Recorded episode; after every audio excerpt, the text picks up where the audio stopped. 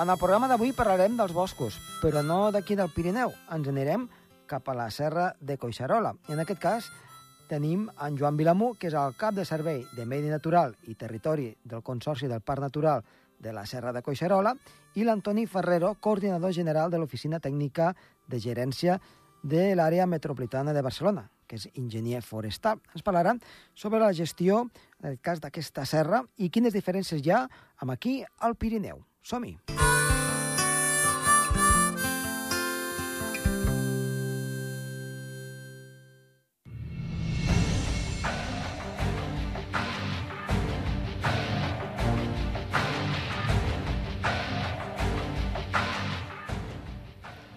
Doncs avui en el programa Torp tenim uh, una entrevista, una entrevista a tres. Parlarem dels boscos, no en aquest cas d'aquí d'Andorra, que n'hem parlat moltes vegades, sinó com es gestiona i quines eh, són les afectacions que tenen, en aquest cas en l'àrea metropolitana de Barcelona, a la serra de Coixerola, per fer una mica doncs, de eh, veure les diferències amb el que és el Pirineu i així doncs, quan nosaltres sortim d'Andorra, veure doncs, el que es fa en altres indrets també de la península ibèrica. En aquest cas, primer parlarem amb Joan Vilamú, que és cap de servei de Medi Natural i Territori del Consorci del Parc Natural de la Serra de Coixarola. Molt bona tarda, Joan. Bona tarda. I després també doncs, tenim en línia a Antoni Ferrero, que és coordinador general de l'Oficina Tècnica de Gerència de l'Àrea Metropolitana de Barcelona i és enginyer forestal. Molt bona tarda, Antoni. Molt bona tarda. Doncs bé, eh, estem aquí tots tres per veure una miqueta doncs, quina és aquesta gestió d'aquest parc. Eh, primer de tot, qualsevol de vostès ens poden descriure una mica com és aquest parc natural, que està doncs, en una àrea eh, amb molta població? Uh, bueno, si Joan, per exemple? Joan, sí. Sí, uh, mira, és uh, el Parc Natural de la Serra de Collserola són poc més de 8.000 hectàrees d'una muntanya rodejada de, de zona urbana. Bàsicament esta és una illa verda uh -huh. al mig de l'àrea metropolitana de Barcelona amb gairebé 3 milions d'habitants a menys de 30 quilòmetres al, a l'entorn. Per tant, doncs, és, és, és una muntanya, però, però que té molt, molt ús públic i té molta influència doncs, de, per part de... i molt, molt accessible per part de tothom tal com en alguns llocs eh, aquest estiu es parlava que en alguns parcs es tancaven a l'accés i tal, uh -huh. Collserola seria gairebé impossible o molt difícil perquè és que mm, pots entrar per qualsevol banda i a més a dins hi viu gent.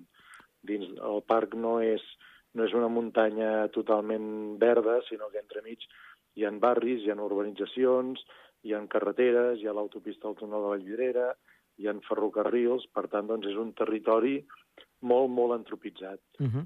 um, veient una mica, doncs, quan baixem d'Andorra, el que ens estranya una mica uh, als andorrans és veure, doncs, com ha sobreviscut, podríem dir, no?, aquest entorn respecte al que són altres països on hi ha aquestes muntanyes que estan totalment urbanitzades. Eh, vostès ens podien dir el per què, doncs, de, diguem-ne, s'ha mantingut aquesta illa verda? Bueno, jo crec que hi ha una combinació de factors, no? D'una banda, eh, tenim que dir que la topografia també ajuda. Eh? Vull dir, l'expansió uh -huh. de la ciutat de Barcelona i l'àrea metropolitana s'ha anat extenent per les zones planes eh, i llavors les zones més muntanyoses, pues, clar, això sempre és més dificultós.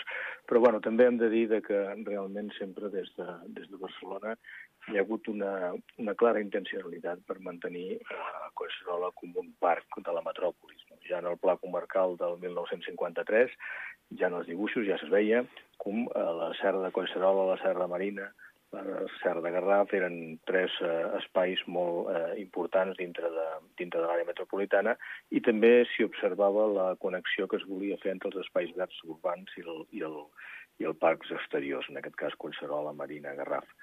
El PGM, el Pla General Metropolità del 76, també això ho consolida i eh, ja estableix una normativa eh, de protecció del, de Collserola, concretament, i altres espais, això es ratifica de nou amb el, amb el pla especial, amb el PEPCO del 1987, que, en fi, que ja es fa una planificació també molt detallada i molt clara i molt en ares d'aquesta conservació com un espai no urbanitzat. Finalment, en l'any 2010, eh, la Generalitat de Catalunya decreta Collserola com a parc natural i la cosa després es remata ja amb el, ple, amb el nou PEMNAT el 2021. És a dir, que per una banda hi ha hagut la topografia, és veritat, uh -huh. per l'altra banda una clara intencionalitat que ve des de l'any 53, de, de protegir aquest espai i després ha sigut sempre també objecte de reivindicacions eh, ciutadanes, reivindicacions populars, tot el qual ha fet que, que això pues, hagi sigut possible. Uh -huh. uh, aquí les darreres actuacions que hi ha hagut a la Serra de Coixarola uh, aquest mes de desembre uh, ha sigut una mica intentar reduir el risc d'incendi forestal i amb això doncs, fer augmentar el que anomenem la resiliència. Què seria això exactament? Aviam, es tracta de fer diferents actuacions silvícoles, que depèn dels llocs doncs seran una, una aclarida sanitària d'arbres, uh -huh. depèn dels llocs serà eh, manteniment d'unes franges de prevenció d'incendis, en altres llocs serà manteniment de, de repoblacions fetes als anys 50 o als anys 70 del segle passat. Per tant, són, són diferents actuacions per tal de reduir la, la biomassa al bosc i, per cal la continuïtat tant vertical com horitzontal per tal de que, en cas de que hi arribés algun incendi, doncs, com a mínim, eh, donés més temps a actuar en els serveis d'extinció, en els bombers, perquè no, al no haver-hi una massa contínua, sí. doncs això dificulta més la, la velocitat de, de propagació de l'incendi. Mm -hmm. um, he llegit de que molts d'aquests arbres doncs, que s'ha fet aquest aclariment um, són uh, pinedes de, de pepinyer, per tant, que fan, fan pinyes. Suposo que aquí també sí. hi ha una recol·lecció o hi va haver un... es va replantar o eh, és són, una cosa... Són plantacions. Uh -huh. Sí, sí, són, sobretot són, de, de forma natural ja n'hi ha a Collserola de pins, pinyoners, però sí. no gaires, perquè el pi pinyoner està sobretot en terrenys més silícics, que són altres muntanyes d'aquestes que comentava abans el, el uh -huh. Toni, de l'entorn metropolità, però a Collserola hi ha molt poca zona granítica i en canvi la resta és més, més pissarrosa, inclús zones calcàries. Per tant, el pipinyoner de per si eh, n'hi ha poc d'autòcton a Collserola.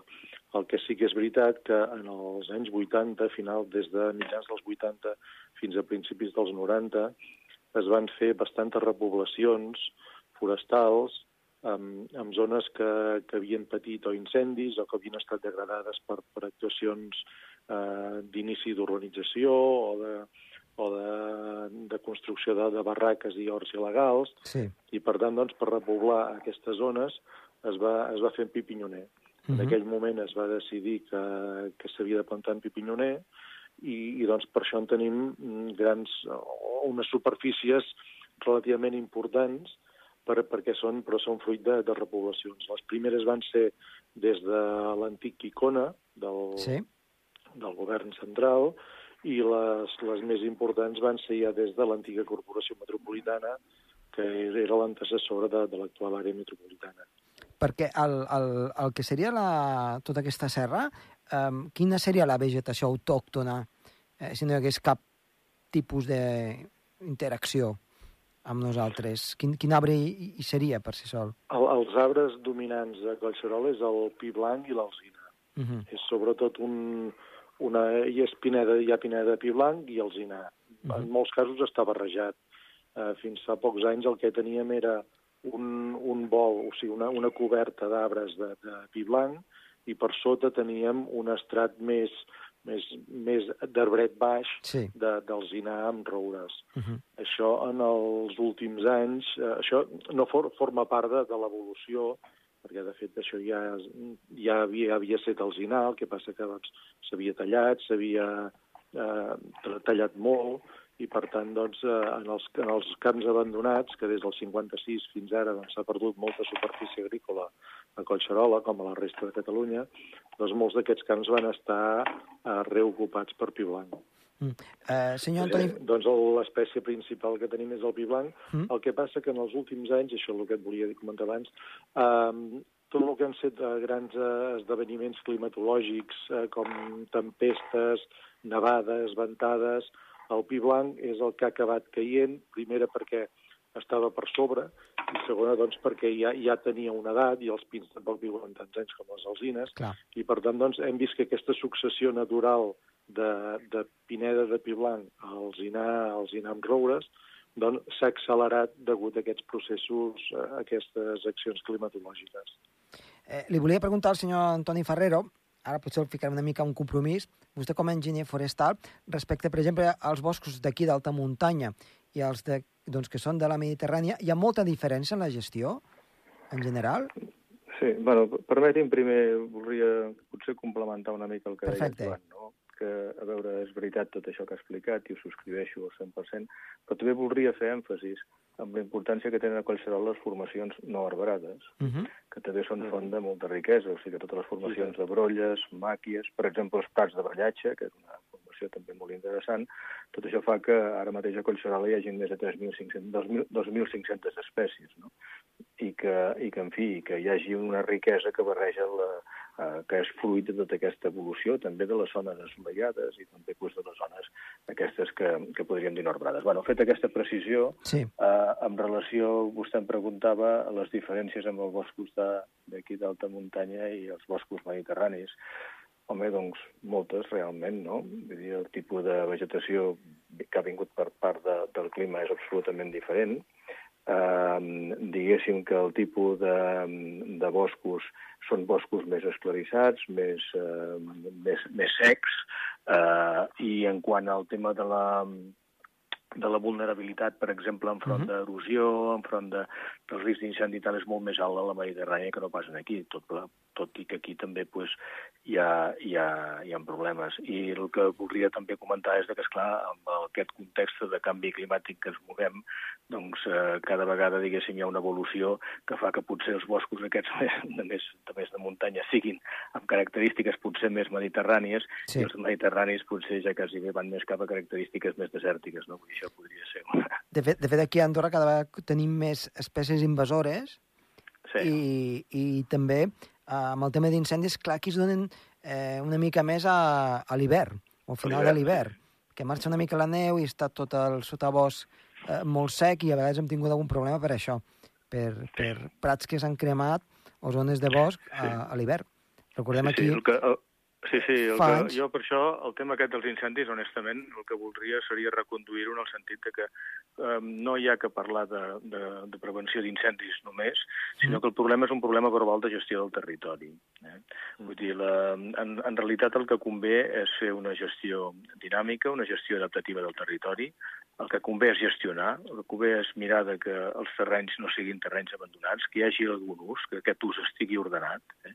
I que el, el pitjor que ens pot passar tant a la Mediterrània com en els boscos de muntanya és l'abandonament. Mm. I com ho fem, això? Perquè, clar, eh, és difícil. De hectàrees i hectàrees que estan abandonades, que se n'hi faci un ús. Em, em, que, que hi vagin a pasturar, eh, ovelles, eh, cabres... O... És, és complicat. Com, com, qui- quin és, què és el que s'ha de fer? Bé, Sí, no, no és fàcil. Digues, digues, Toni. no, no digues, Joan, després ja... No, dic que no, no és fàcil, realment no és fàcil, i menys en, en una zona com Collserola, Uh -huh. que, que ha perdut el seu caire rural des de fa decennis. Però tot i així encara aguanten alguns pastors, encara aguanten alguns pagesos, i des del, del Parc de Collserola doncs, ja portem uns quants anys intentant que no perdre més superfície agrícola i, al contrari, començant a guanyar.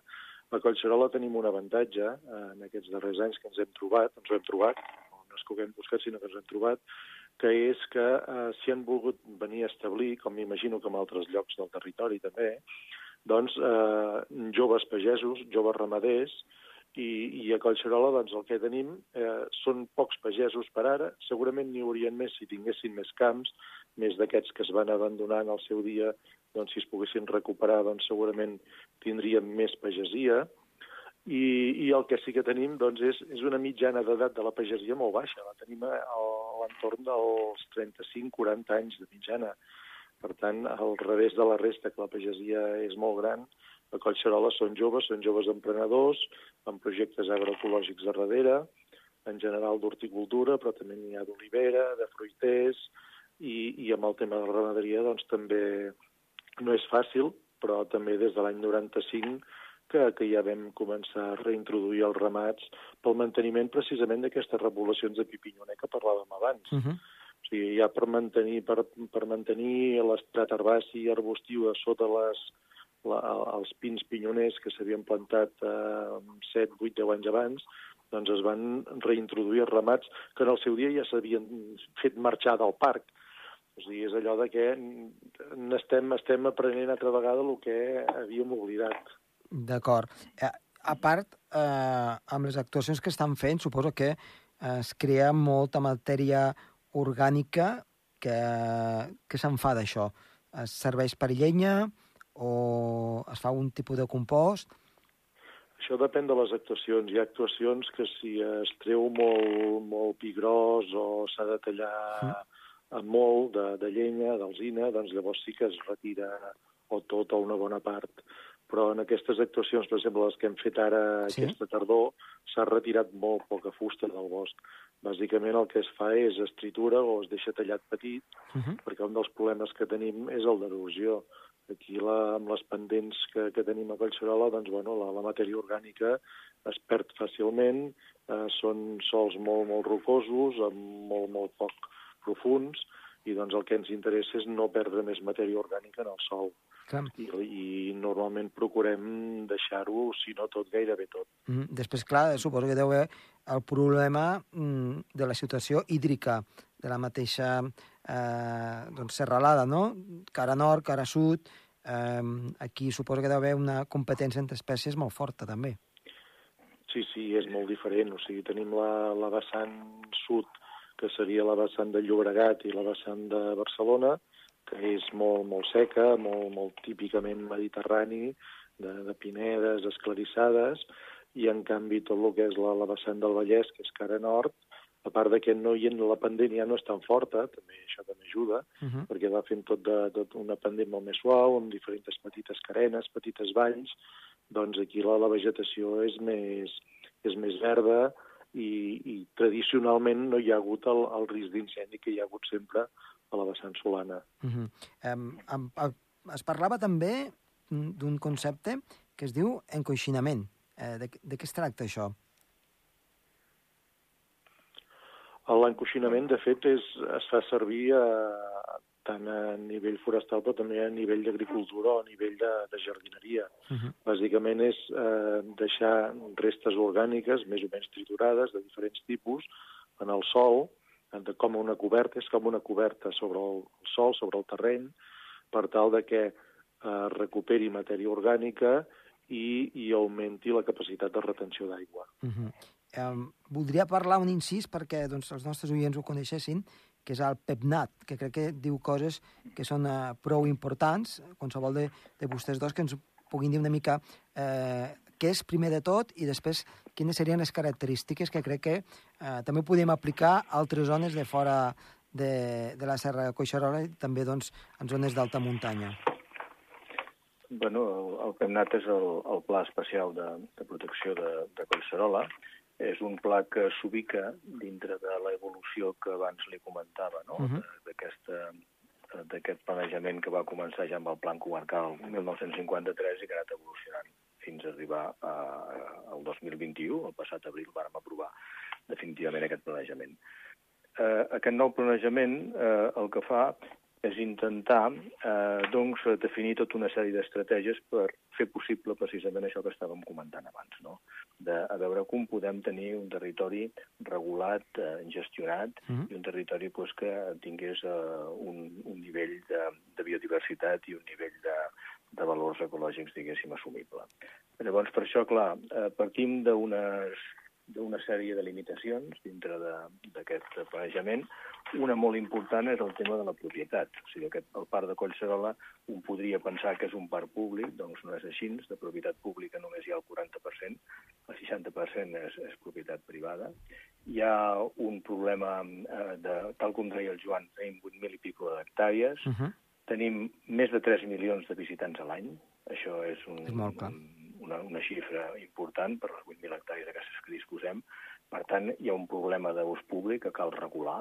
Nosaltres estem contents de que hi hagi un ús públic. De fet, eh, és una de les raons de ser del parc, veritat, de que la gent en pugui gaudir. El que passa que això s'ha de fer d'una forma endreçada i llavors per això dintre del pla s'ha pues, definit una sèrie d'àrees equipades, una xarxa dinàmica per l'ús públic, etc. Uh, hi ha un patrimoni també molt important, hi ha un patrimoni construït que, hi ha el problema de que s'està abandonant, perquè, és clar, totes aquestes cases, construccions amb valors arquitectònics importants, el no tenir, el ser molt costoses de mantenir i el no tenir cap font d'ingressos doncs s'estan abandonant. Això és un problema que també dintre del parc del, del planejament s'intenta abordar. Eh, I llavors, per altra banda, hi ha totes aquestes qüestions de, relacionades amb els seus valors ecològics. No? Les 2.500 espècies que parlava, 73 tipus d'hàbitats, 13 d'interès comunitari, 4 d'ells són prioritaris, hi ha més de 3.000 hectàrees que són actives pel tema de rapinyaires forestals que cal gestionar amb certa, amb certa cura, i després el gran valors que hi ha com a espai connector. Aquí el Pla Especial hi ha, hi ha fet un èmfasis molt especial perquè nosaltres entenem que Collserola no ha de ser una illa, ni Collserola ni cap altre parc natural, no? sinó que ha d'estar eh, més eh, relacionada amb, una, amb un tipus de xarxa, uh -huh. d'on és aquest negatiu del, del paisatge, que no és el paisatge construït ni el de les infraestructures grises, sinó que és aquestes infraestructures verdes, estiguin relacionades entre si i puguin anar, eh, diguéssim, convisquent amb una certa simbiosi, buscant sinergies entre ells. Uh -huh i després hi ha tota una sèrie de, de, de plantejaments amb el sentit d'anar fent un seguiment de l'estat de salut del parc, en base doncs, a una sèrie d'indicadors, en base a una eina multicriteri que pugui anar eh, prenguent, diguéssim, la temperatura del parc periòdicament per veure aviam què està succeint realment i com es pot eh, corregir en el cas que fos necessari. Uh -huh. eh, molt interessant tot el que estan explicant. Em sembla que tenim una visió ben ample del que és el Parc de Collserola i la seva gestió. Ja per acabar, eh? eh una mica com a anècdota. Mm, no podem parlar de tota la fauna perquè eh, això donaria per un altre programa, però sí que m'agradaria doncs, puntualitzar sobre el tema dels porcs senglars. Eh, quin és el problema que hi ha? les, i, i, I que ens estranya molt, eh? eh des d'aquí Andorra, de que en una zona tan urbanitzada hi hagi doncs, eh, aquest problema amb els porcs senglars, que no, no tenen por, sembla, no? Sí, de fet el port senglar aviam, no és només un problema de Collserola, sinó que és a tot Catalunya. La, uh -huh. població de port senglar en els últims decennis ha augmentat estrepitosament i, i n'hi ha molts. O sigui, eh, jo sóc d'un poble de, de la Catalunya central i quan jo era petit eh, els caçadors caçaven un porc i semblava que feien festa major. Sí, tant. I ara en cacen 400 a l'any i no saben què fer-ne de ja. tants. Eh, a Collserola sí, realment la població ha augmentat com a tot arreu, el que passa que aquí eh, hi han dos problemes afegits. Un és el dels senglars que s'han habituat a la gent, perquè la gent se'ls ha començat a donar menjar, troben menjar fàcilment, i per tant doncs, aquests senglars s'han ja en diuen senglars habituats, són senglars que s'han acostumat a anar a menjar de, de les bessures, dels contenidors o del forn de pa del barri de Montbau, per dir alguna cosa. Uh -huh. Per tant, doncs, són, són senglars que, que han perdut la por, han perdut el seu, el seu estat salvatge, per dir d'alguna manera, i, i es posen, doncs, eh, ells busquen menjar a on el troben més fàcilment, que actualment és a, al costat de la gent. I el segon problema que, que s'ha afegit en aquests últims anys, que també influeix amb l'increment, és l'alliberament de porcs vietnamites. Uh, ja fa uns quants anys que es van començar a veure porcs vietnamites uh, que algú els havia tingut com a animals domèstics i, i quan van créixer massa els van engegar al bosc i aquests, uh, com que són la mateixa espècie, doncs crien i tenen cries fèrtils i ara els senglars, en lloc de tenir 4 o 5 cries, en tenen 8 o 10.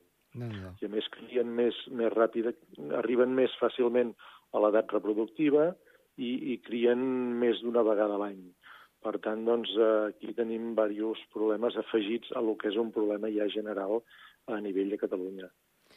Doncs déu nhi eh, Joan Vilamú i Antoni Ferrero, eh, moltíssimes gràcies avui per explicar-nos el que és el Parc de Coixarola, la seva gestió i doncs, eh, quan anem cap a Barcelona, de veritat que ens ho mirarem amb uns altres ulls. Moltes gràcies i fins la propera. Molt bé, moltes gràcies a vosaltres.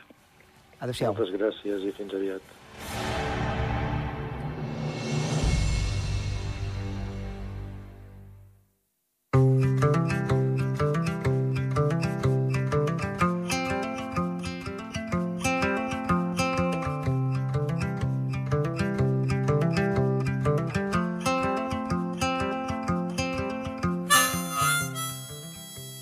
Fins aquí el programa d'avui. Esperem que els hagi agradat. Nosaltres tornem la setmana vinent a estar de les vies de so, Toni Escur, i que els ha parlat amb molt de gust, Josep Tomàs. Adéu-siau.